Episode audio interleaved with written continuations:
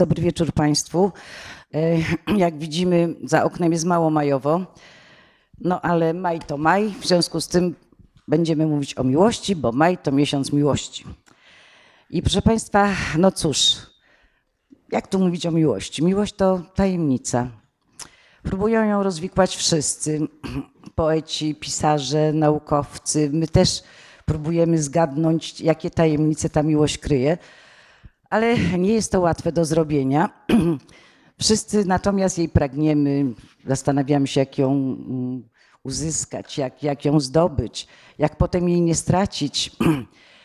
I myślę, że najlepiej tą tajemnicę miłości ujął Tischner, który powiedział tak, że miłość sama w sobie jest nie do pojęcia, ale dzięki miłości możemy pojąć wszystko. I myślę, że to jest prawda. I z tego sobie zdania zróbmy takie motto dzisiejszego spotkania. Chciałabym powiedzieć, że miłość, czekamy na nią, zawsze jej pragniemy. A jak co jest bramą do miłości? Bramą do miłości jest oczywiście zakochanie, najczęściej. I proszę Państwa, to jest cud natury. Doceńmy go. Naprawdę. Gdy go przeżywamy, doceńmy go, bo to jest po prostu coś niesłychanego. Jeśli Państwo pewno to Państwo już przeżywali albo przeżywacie teraz, to wiecie, co to znaczy, że to jest cudem. I gdy jesteśmy w tym stanie miłości, to jesteśmy tak oszołomieni, tak ogarnięci tym zakochaniem, jeszcze nie miłością, przepraszam, gdy jesteśmy w stanie zakochania, to jesteśmy tak nią ogarnięci, tak zupełnie wyjęci z rzeczywistości i półprzytomni, że naprawdę można powiedzieć, wszystko, co mam, jest w tobie zakochane. Wszystko, co, wszystko, o czym myślę, to tylko ty i tylko twoja, twoja twarz i twoja obecność. I teraz, jeśli byśmy w tym stanie oszołomienia trwali dłużej, to nie moglibyśmy normalnie żyć. Ale co nam to jeszcze ten stan oszołomienia daje cudownego? Nie tylko żyjemy tak jak we śnie, ale również siłę nam daje ogromną. Pamiętacie Państwo Romea, który na skrzydłach miłości co zrobił? Przeskoczył mur, który go dzielił od, Jul od Julii. A mój kolega swego czasu, e, proszę Państwa, przeleciał trzy przystanki tramwajowe za tramwajem, w którym siedziała jego ukochana. I w końcu doleciał na ten trzeci przystanek i złapał ten tramwaj, ale potem cały czas mówił: Boże, zakochać się na trzy przystanki to cudownie. Więc taką miał miarę zakochania. No ale wróćmy do tego, że gdybyśmy cały czas byli tacy oszołomieni, to rzeczywiście nie moglibyśmy normalnie żyć. Po prostu też spalilibyśmy, umarlibyśmy z miłości, ze stanu zakochania. Dlatego natura, która nam to daje, potem to trochę wyłącza. Ta mózgowa amfetamina mija, no i zaczynamy trochę przytomniej patrzeć na siebie nawzajem, na to, co nas otacza. I jakoś tak jest, nam czegoś brak. No było fajnie, brak nam tego stanu, był taki cudowny. No i chcielibyśmy go na siłę zatrzymać, ale jeśli będziemy to robić, i próbować udawać, że nic się nie zmieniło, że jest tak jak było i wszystko ma być tak jak w czasie tego szaleńczego e, zakochania, to proszę Państwa, no, zamiast mądrej miłości stworzymy taki polukrowany kicz miłości. Bo co to jest kicz? E, Kundera, Milan Kundera, którego bardzo lubię czytać, a jeśli Państwo też to się cieszy, a jeśli nie, to namawiam, e, kiedyś podał definicję kiczu. Otóż powiedział, że powiedział to dość dosadnie, ale ja nie będę cenzurować mistrza, także wybaczcie Państwo, excuse le mot, e, powiem tak, jak on to rzekł. Kicz to świat bez gówna.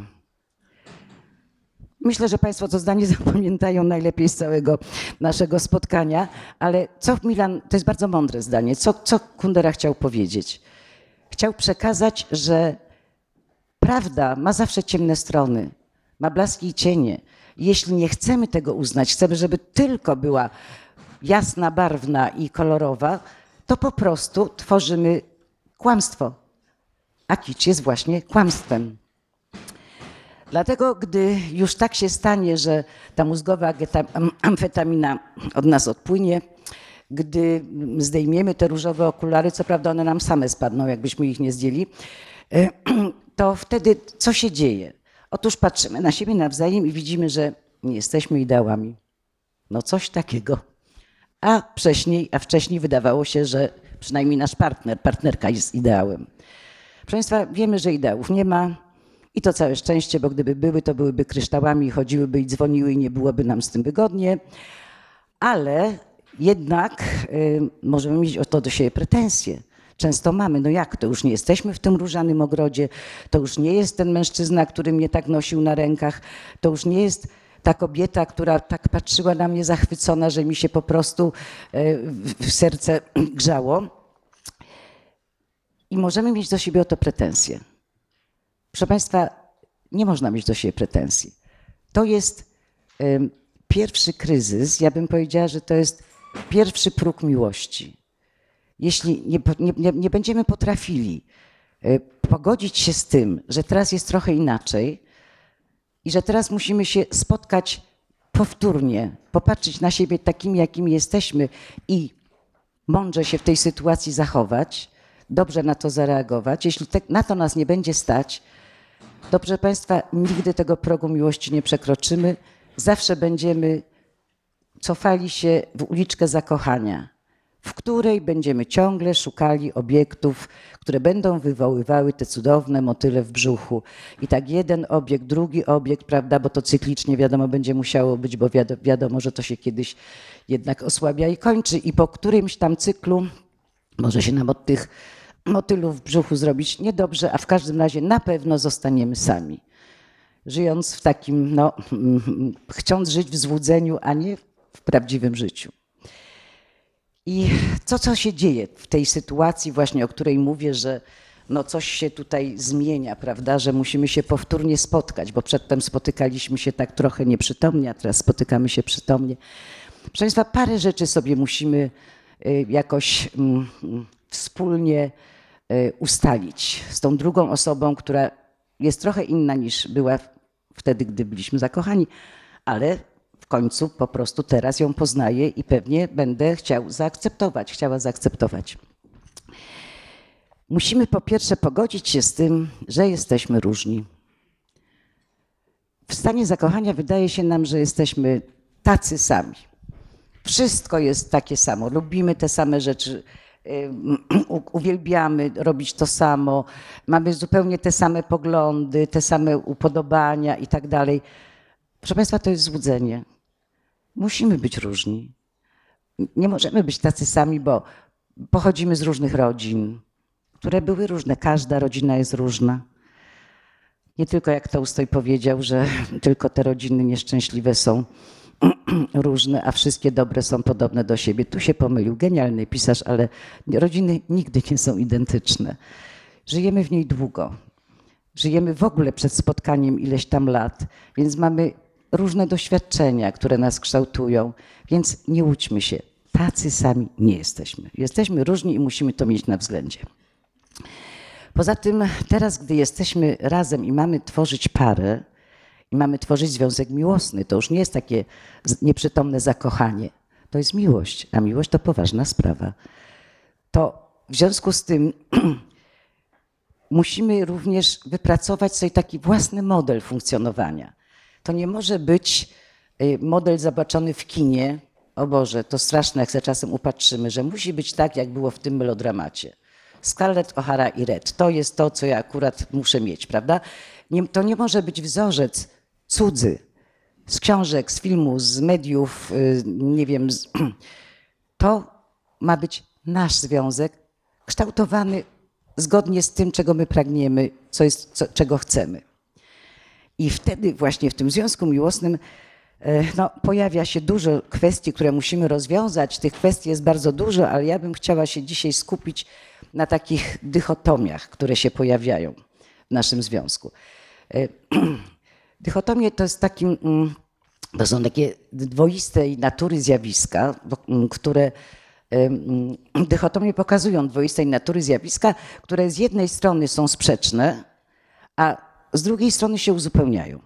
Czyli jakaś całość, którą dzielimy na pół, krańce są przeciwne, ale w sumie to razem jednak tworzy pewną sensowną całość. I teraz sobie takich parę dychotomii przeglądniemy.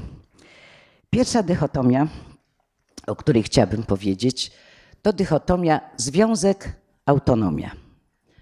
O co tu chodzi? Otóż jedna osoba może chcieć żyć łapka w łapkę, Cały czas. Kiedy tylko możemy, jesteśmy razem, trzymamy się za ręce, nie rozstajemy się, y, jeśli tylko nie musimy, prawda? Taka osoba najchętniej do pracy by chodziła również razem y, y, z partnerem, a drugiej osobie to niekoniecznie musi odpowiadać. Ta osoba, która jest bardziej nastawiona na związek, czasem mówi, no partner, partnerka za mało się angażuje, za mało się angażuje. Osoba nastawiona na autonomię mówi, no czuję się trochę jak w pułapce. I to jest ten, ta kwestia, którą jakoś musimy ze sobą uzgodnić. Spotykają się dwie wolności. Moja wolność z Twoją wolnością. Mój pogląd na to, jak ma wyglądać związek z Twoim poglądem. I okazuje się, że miłość to nie tylko wspólne bicie serc, ale w rytm tych, tego bicia serca, tych naszych dwóch serc, musimy dogadać pewne rzeczy, ustalić, uzgodnić. Bo jeśli tego nie zrobimy, to będziemy egoistycznie traktować partnera, będziemy robić to, co nam wygodnie i co nam pasuje a on się wtedy może czuć samotny, bo tak, wspólne działanie z jednej strony, jeśli by go nie było, tego wspólnego działania, no to będziemy się czuli samotni. Ale z drugiej strony, jeśli nie będziemy mogli działać zgodnie z naszymi pewnymi potrzebami, których partner nie podziela, no to będziemy mieli poczucie no, pewnego ograniczenia. Dlatego trzeba uzgodnić, co razem, co osobno. Trzeba o tym porozmawiać, ale porozmawiać tak, żebyśmy się oboje czuli bezpiecznie. Dlaczego? Dlatego, że to jest bolesna czasem rozmowa. Osoba, która patrzy, y, która rozmawia z partnerem, który chce więcej autonomii, może się poczuć zagrożona. Boże, ja go utracę. Y, miłość w ogóle utracę, prawda? To wszystko nie tak jest, jak ja sobie wyobrażałam. Tymczasem, no, mm, te rzeczy są do uzgodnienia, tylko musimy o nich rozmawiać. Bo jeśli skwitujemy to, a nie ma o czym rozmawiać, nie zawracaj głowy i tak dalej, bo bardzo często tak jest, że gdy jest jakiś trudniejszy temat, to taka jest reakcja obronna i nie chcemy w to wchodzić, w to trzeba wejść. Tylko proszę Państwa, to trzeba zrobić na początku związku, wtedy, kiedy jest łatwiej, bo jest silne przyciąganie. Naprawdę, ten dar natury, którym jest przyciąganie wzajemne, jest naprawdę ogromnie ważny i wtedy łatwiej nam jest ze sobą rozmawiać. I lepiej to zrobić właśnie wtedy. A jeśli byśmy tego nie zrobili, zaniedbali, no to może się zdarzyć, że te różne spojrzenia na właśnie związek i autonomię mogą nas rozdzielić. A tu naprawdę można wiele zrobić, tylko w momencie, kiedy oboje partnerzy będą się czuli bezpiecznie rozmawiając o tym. Kochamy się, uzgadniamy pewne rzeczy, które nam pomagają na co dzień żyć.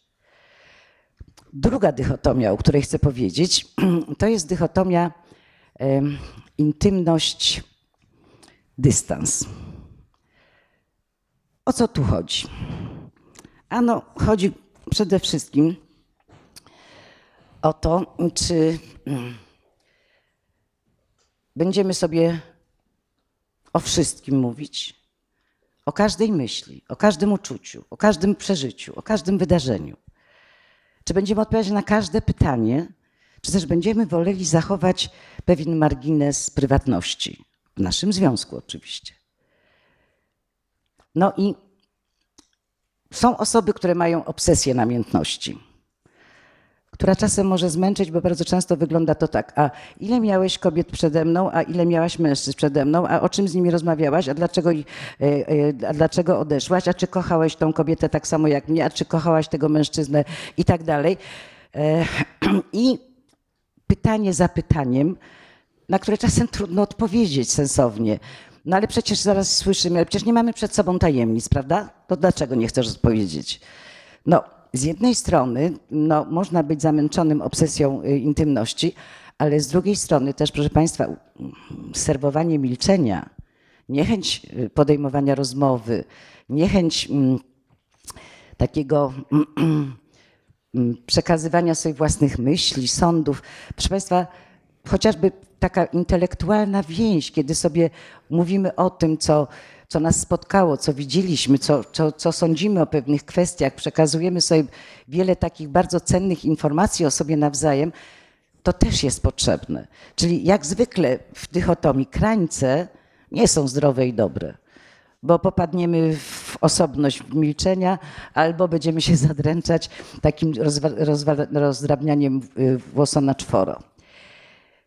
Tu jeszcze trzeba wspomnieć o takich płotkach. Nie płotkach rybach i nie plotkach, tylko płotkach. Każdy z nas ma taki płotek przed sobą. I ten płotek jedni mają bliżej, drudzy mają dalej. Ci, co mają bliżej, to bliżej wpuszczają tych, którzy chcą bliżej, blisko nich się gdzieś tam właśnie znaleźć. Otwierają furtkę, często rzadziej zamykają. Ci, co mają płotek dalej, to najczęściej też mają furtkę, też ją czasem otwierają, ale trochę im obecność za tym płotem e, innych e, ludzi trochę przeszkadza.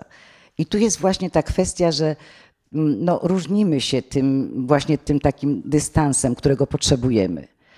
A z kolei, jeśli nie uszanujemy dystansu, który odpowiada partnerowi, o który prosi, który z nami uzgadnia, to też będziemy, że tak powiem, mieli go w jakimś takim totalnym przymusie. Czyli ta ta intymność i, e, i, mm, i ten dystans to jest coś między, między, między tymi biegunami musimy oscylować, zręcznie oscylować.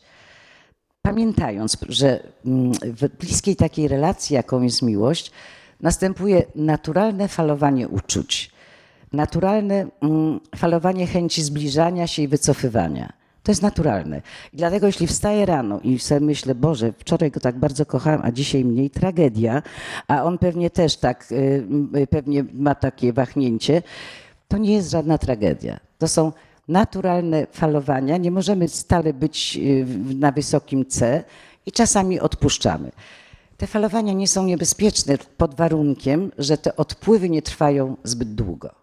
Bo jeśli ten odpływ będzie trwał długo, i odpłyniemy daleko i jakoś nie będziemy mieli chęci bądź okazji wracać, jeśli zablokujemy się na negatywnych emocjach, na złym myśleniu o partnerze, ach, tu mnie wkurzał, tu mnie zdenerwował i tak dalej, to może się zdarzyć, że to falowanie nam rzeczywiście trochę związek osłabi, ale to naturalne falowanie, ono jest i takie uczucie trzymaj mnie mocno na zmianę, spuść mnie, przepraszam, puść mnie miało być, puść mnie, to, y, te, te dwa stany y, cyklicznie się zmieniają.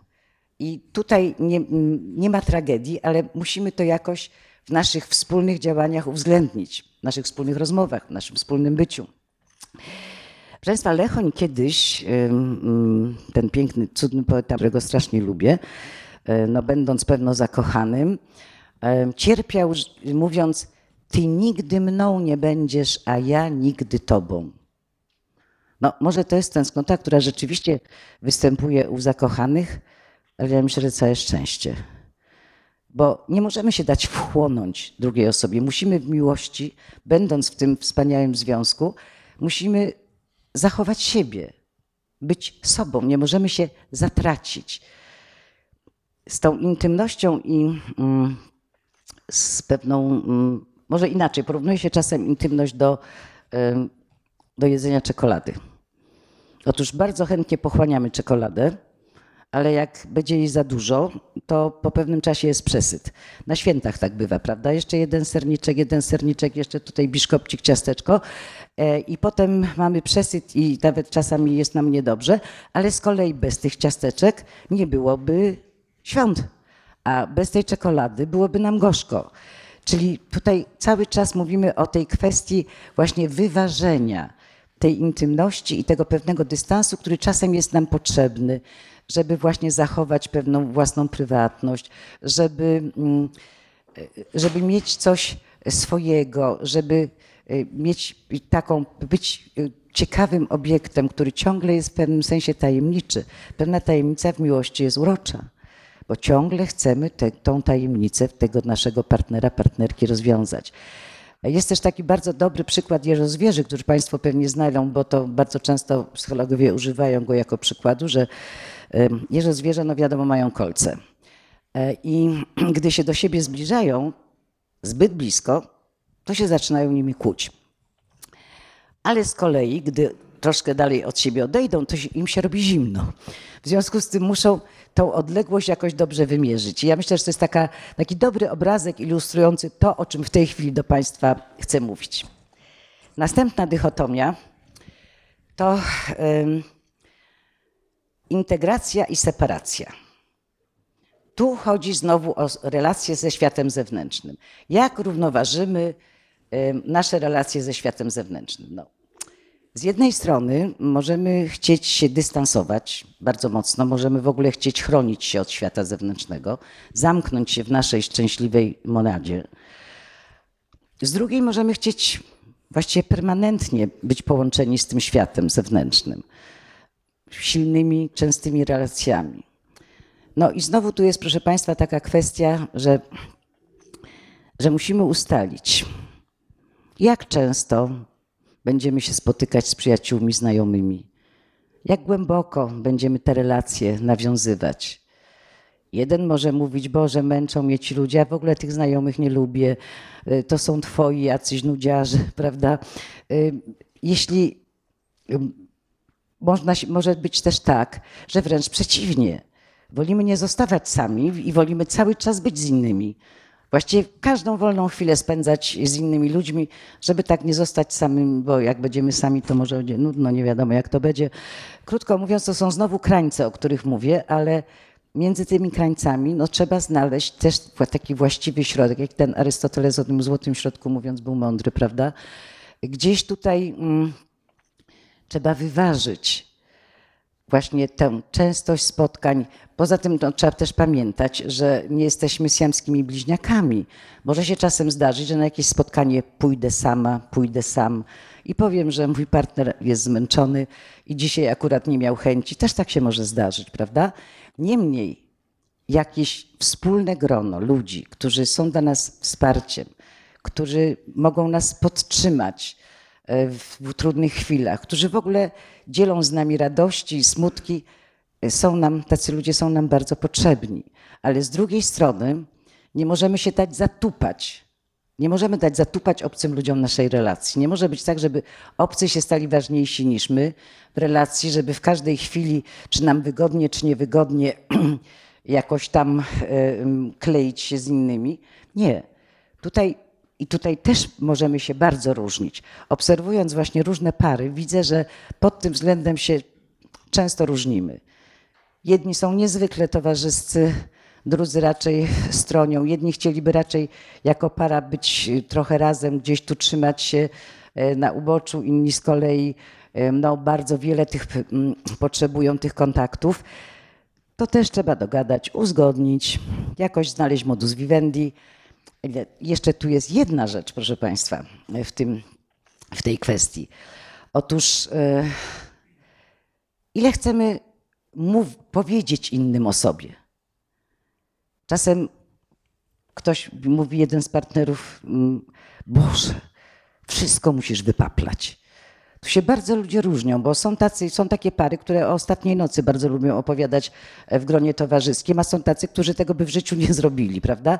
To jest kwestia, ile chcemy innym o sobie przekazać. Jaki obraz swój chcemy przekazać? Czy taki, jaki jest, czy też wolimy troszkę zaszpanować, pokazać jakoś taki ten obrazek taki bardziej kolorowy. No pewno lepiej być sobą, ale czasami tak jest. E, może też być, że gdy jesteśmy mm, z innymi, to pewien, pewien rodzaj zachowań u partnera czy partnerki nam trochę przeszkadza. Na przykład, no, no ona ciągle mnie całuje, przytula się i mówi, no i co tam kochanie? E, a mnie to trochę krępuje, jak są inni ludzie, prawda? E, tutaj też musimy pouzgadniać właśnie, jak na ile się odkrywamy przed innymi, w jaki sposób to robimy, tak żeby nam to nie przeszkadzało, nie bolało, E, I to, ta z jednej strony tutaj jest bardzo ważna rzecz, bo czasami możemy mieć taką chęć oddzielenia się, schowania się. Wtedy nam będzie dobrze, nikt nam nikt nie odbierze partnerki, nikt mi nie odbierze partnera, jak sobie będziemy tak żyli gdzieś schowani w jakimś kąciku. Tylko proszę Państwa, bezludna wyspa mm, po pewnym czasie robi się nudna i niebezpieczna, bo jak przyjdzie jakiś kłopot, to wtedy zostajemy na tej bezludnej wyspie sami. A z kolei w tłumie permanentnie też jest ciężko, więc naprawdę tutaj to wyważenie jest bardzo, bardzo ważne i rozmawiajmy o tym. Bo ogromnie często nam się wydaje, a po co gadać? Wiadomo, to, co, czego ja chcę, jest na pewno słuszne, bo przecież to, co, co, czego ja chcę, jest mądre i dobre. I jak można czegoś innego chcieć? Dlatego pamiętajmy, że możemy mieć różne oczekiwania i naprawdę nie ma dobrej miłości bez rozmawiania, bez dogadywania się, bez uzgadniania rzeczy, które nam się wydają, wydawać mogą oczywiste, ale niekoniecznie takie są dla obu stron. No i może jeszcze o jednej dychotomii bym wspomniała. To jest dychotomia między stabilnością i zmiennością. I w czym tutaj rzecz znowu? Proszę Państwa, jest tak, że jest nam dobrze. Myślimy sobie, o fajnie, niech tak będzie dalej. Niech tego nic nie zepsuje i nie zniszczy. Żadnych nowości. Tak ma być. I niech tak trwa. Trwa i chwilę, jesteś piękna, to cudowne. Tylko, że chwila to chwila i nie może trwać bez końca. I to, jeśli mm, chcemy, by ten stan taki właśnie został na zawsze, by nic się nie zmieniało, to proszę Państwa, znowu tworzymy sobie pewnego rodzaju utopię. Bo, a też może i pułapkę, bo jeśli w związku nic się nie zmienia, nawet jak jest dobrze, ale nic się nie zmienia, nie zmienia, nie zmienia, nie zmienia, nie zmienia, to po pewnym czasie ten związek trochę czuć stęchlizną. Po pewnym czasie, no mówiąc krótko, robi się, robi się trochę nudno. I jeśli ktoś y, nie chce, chce mieć święty spokój, nie chce żadnych zmian, to może zamiast wchodzić w związek, niech lepiej wchodzi na ryby i to w to samo miejsce. Bo inaczej to po prostu każdą relację udusi. A jeśli nawet nie udusi do końca, e, no to mm, będą się partnerzy w tej relacji śmiertelnie nudzić. Teraz tak. Życie jest zmianą. Jeśli chcielibyśmy, żeby nic się nie zmieniało, to zaprzeczamy istocie życia. Wszystko wokół nas się zmienia. Musimy się do tego dostosowywać. I nie możemy traktować zmian naturalnych, które są w związku. Związek ewoluuje. Kofta powiedział tak pięknie: podróżą każda miłość jest. Jest podróżą. Podróżujemy, my się zmieniamy, okoliczności się zmieniają i musimy się jakoś dobrze do nich dostosować znaleźć modus vivendi, znaleźć swoje miejsce w tych nowych okolicznościach. Proszę Państwa, no, weźmy taką sytuację. Jest para, która y, mieszka w akademiku, no, żyją miłością, przyjemnościami, romantycznym nastrojem i tak dalej, a w pewnym momencie no, pojawia się dziecko. Następuje zmiana sytuacji, to wpłynie na inne, funkcjonowanie każdej z tych osób, wpłynie na zmianę wszystkiego, co było, no może nie wszystkiego, ale wielu rzeczy, które ich w jakiś sposób tutaj łączyły, warunków, które, w których funkcjonują i tak dalej, ale muszą jakoś na tą zmianę umieć dobrze zareagować. Czyli krótko mówiąc, nie hamujmy zmian, bo i tak ich nie wyhamujemy, tylko próbujmy w jakiś sposób znaleźć, przystosować się do nich, umieć dobrze na nie zareagować i Powiedziałabym tak, że bez zmian jest źle, ale też nie można żyć na chybotliwej tratwie cały czas.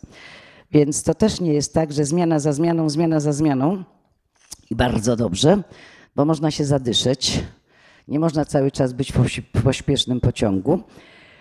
Ale też e, z drugiej strony, mm, mm, no, tak jak już wiemy, taka permanentna stabilność bez zachwiania możliwa nie jest. I to się jeszcze wiąże z drugim takim aspektem tej stabilności i zmiany. Otóż y, musimy jakoś też oscylować między przewidywalnością a spontanicznością. Czyli z jednej strony dobrze jest być stabilnym partnerem, który jest przewidywalny, wiadomo jak się zachowa, nie, nie, nie powoduje szoków we wspólnym działaniu, nie, nie jest tak, że niemile nas zaskakuje, zachowuje się w sposób odpowiedzialny. Ale z drugiej strony każdy z nas chce być spontaniczny też. Chce być sobą, nie chce nosić maski w domu, chce móc się zachowywać w miarę swobodnie a taki partner, który stale jest taki pięknie odpowiedzialny, stabilny y, i jak mówiłam już wygodny, po pewnym czasie nieborak może stać się nudny. W związku z tym też trzeba tutaj oscylować między tą właśnie przewidywalnością a spontanicznością. Tylko z tą spontanicznością to bardzo ważna rzecz, proszę Państwa. Pragniemy, pragniemy jej i możemy ją realizować. Tylko spontaniczność nie może być bezkarna. To znaczy, nie może być tak, że ja będę zachowywać się spontanicznie w taki sposób, że będę ranić partnera. Zrobię awanturę, żeby nie było nudno. Raz się mi będzie coś podobało, raz nie. E, będzie stale na huśtawce. A jak będę mówić, dlaczego tak robisz, to będzie mówił, no cóż, taki już jestem, nie ma rady. Albo taka już jestem, bo tak nie chcę grać do męskiej bramki. To po obu stronach funkcjonuje. Nie może być tak. Nie ma taka już jestem, taki już jestem. Partner to nie jest worek do bicia. To jest osoba, która czuje i moja spontaniczność nie może go ranić, nie może czynić go nieszczęśliwym. Dlatego, proszę Państwa, znowu oscylujemy, a jak przesadzimy w tej spontaniczności, przeprośmy, powiedzmy, że to miało tak nie być. A z kolei też nie tkwijmy może w bezruchu, Próbujmy robić razem jakieś nowe rzeczy, proponować czasem coś partnerowi, zaskoczyć go czymś miłym najlepiej. E, czyli coś wprowadzić, jakieś zmiany, żeby, proszę Państwa, nie ogarnął nas marazm, rutyna, bo to też jest tragedia. Także widzicie Państwo, że te dychotomie powodują, że jest co robić, prawda? Nie, trzeba myśleć ciągle o sobie i o partnerze. Trzeba myśleć, jak ta nasza relacja funkcjonuje myślenie ma kolosalną przyszłość ale, ogrom, przyszłość, ale ogromnie męczy, jak pamiętamy, prawda? Ale jednak musimy, nie możemy bezmyślnie w tym związku tkwić, tylko musimy właśnie taką wykazywać wrażliwość. E, chciałabym powiedzieć jeszcze o e, dwóch rzeczach, no może trzech. Pierwsza to taka, że musimy w związku zamieniać się rolami. Nie może być tak, że jedna osoba cały czas prowadzi, a druga jest prowadzona. Jedna cały czas jest takim. E, wspaniałym menadżerem, opiekunem, a druga daje się sobą opiekować. Nie, muszą być zmiany. Bo ta osoba, która jest tym, e, tą osobą przewodzącą, w pewnym momencie może się zmęczyć, pewnie się zmęczy, a ta, która jest prowadzona, też w pewnym momencie może mieć tego dosyć.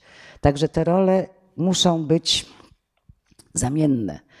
W, chwili, w jednej chwili to ty mnie bierzesz na ręce, to jest porównanie Santorskiego, to mi się strasznie podobało. Ty mnie bierzesz na ręce, bo jestem słabsza w tym momencie, ale kiedy indziej, kiedy ty jesteś słabszy, to ja ciebie biorę na ręce. I bierzemy się bez fałszywego poczucia dumy, bez fałszywego wstydu.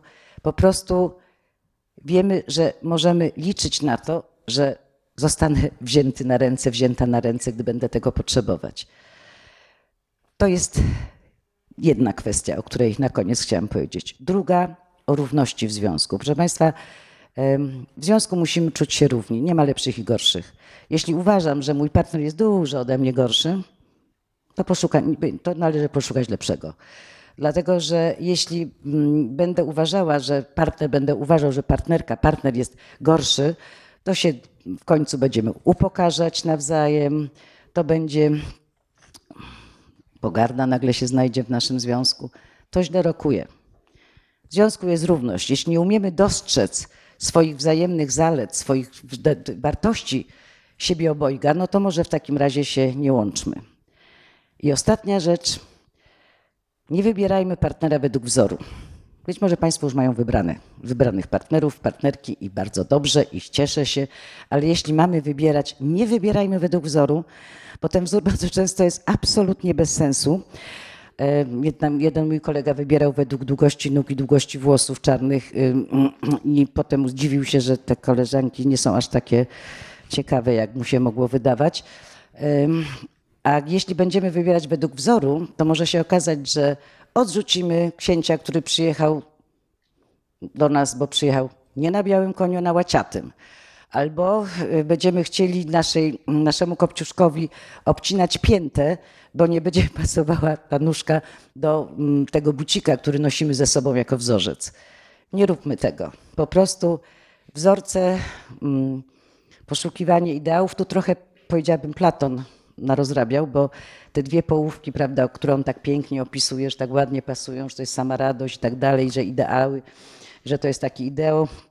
No te dwie połówki to strasznie fajne, tylko niektórzy szukając tej drugiej połówki mogą się po prostu zestarzeć w samotności, więc może tutaj tak sobie poczytajmy o tym, ale nie bierzmy może sobie za głęboko do serca, bo to jest chyba pewien ideał, który trudny jest do mm, zrealizowania. Zresztą Kofta, którego tu już przywoływałam, powiedział takie mądre słowa, że za dużo każda miłość chce. A na to odpowiedział Poniedzielski. I tymi słowami Poniedzielskiego, mojego ulubionego poety, też go polecam. Jest wspaniały, z pewnością go znacie. To powiedział Poniedzielski o miłości. Miłość ci wszystko wyznaczy. Równik, południk i biegun. Dla niej się zerwiesz do biegu.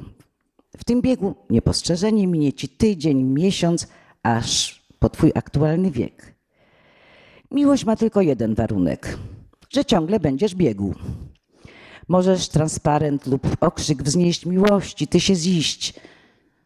Może nie będziesz musiał biec, może pozwoli ci iść.